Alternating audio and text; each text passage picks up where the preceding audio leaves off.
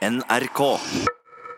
Mange, de fleste faktisk, vil i løpet av livet oppleve at eh, øya blir helt rødt. Og Morten Munkvik, hva har skjedd da?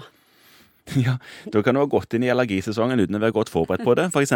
Eller du kan ha fått en jobbe i barnehage og fått en barnenegl inn på øyet. Eller du kan ha blitt smitta av en sånn øye, banal øyeinfeksjon som er ganske vanlig. Men noen ganger er alt det hvite helt, helt rødt. Ja. Hva har skjedd da? Du kan ha fått en blødning eh, inn på øyet. Altså, øyet er på en måte bygd opp med hinner i lag.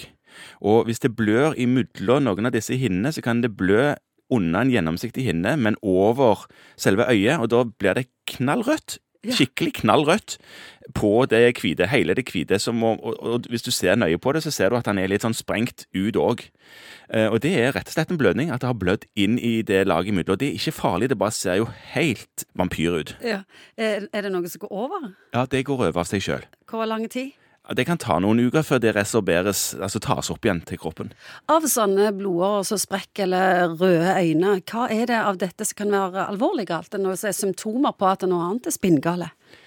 Ja, altså denne rødheten, hvis den er på hele øyet, sånn som vi nettopp snakket om, eller bare liksom ute i kantene, så er det, det er greit. Det kan vi vanligvis se an. Men hvis rødheten sitter kun rundt regnbuehinnen, rundt det som har farge på øyet, Ja. hvis den kun er helt inntil kanten der, kan det tyde på at eh, problemet sitter dypt inni øyet.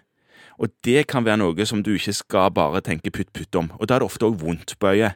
Så det, Vanligvis så drar han til lege med sånne ting, men det trenger en ikke å drøye. Da drar en, og så kan en sjekke ut om dette er noe som må gjøres noe med med en gang. Lemus, da? Eller Ja, nettet står begge deler. Leamus er vel det vanligvis folk uh, sier. Det at de, de som har sånne smårykninger i øyelokket. Ja. Ja. ja da, det er en ganske vanlig greie som kan komme når som helst, men man kan se det hvis man har sovet litt lite, eller at det er litt mye stress, eller at man har drukket litt mye kaffe, eller den typen ting. Da kan det få sånne rykninger i eh, muskulaturen som, som gjelder leamusen. ja, da pleier det bare å være noen få minutter, eller Ja, det pleier det, men det kan vare dagvis òg, dessverre. Så Hvor kan lenge det det. kan det vare?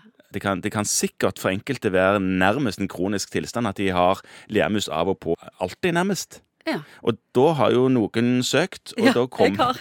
Du har, ja. Ja. For det, da kommer de jo og tenker at de Har får ALS? Ja, sant. Øyeblikk får de diagnosen ALS. Amyotrofisk lateralsklerose. Eh, som er en veldig alvorlig sykdom, progredierende nervesykdom, som til slutt ender fatalt.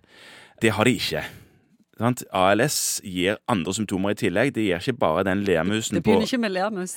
og det kan starte med leamus et eller annet sted, men så utvikler det seg fort til leamus andre steder, og krafttap og andre sånne nevrologiske ting. sånn at det å, det å skille en banal leamus fra ALS, det er en enkel jobb. Ja. Er det noe vi kan få andre steder på kroppen enn på øyet?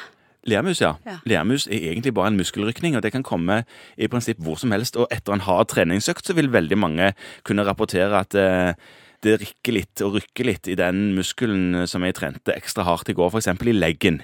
Typisk å få det i leggen, og da er det jo ekstra nære ALS. Men de, de er ikke det, altså.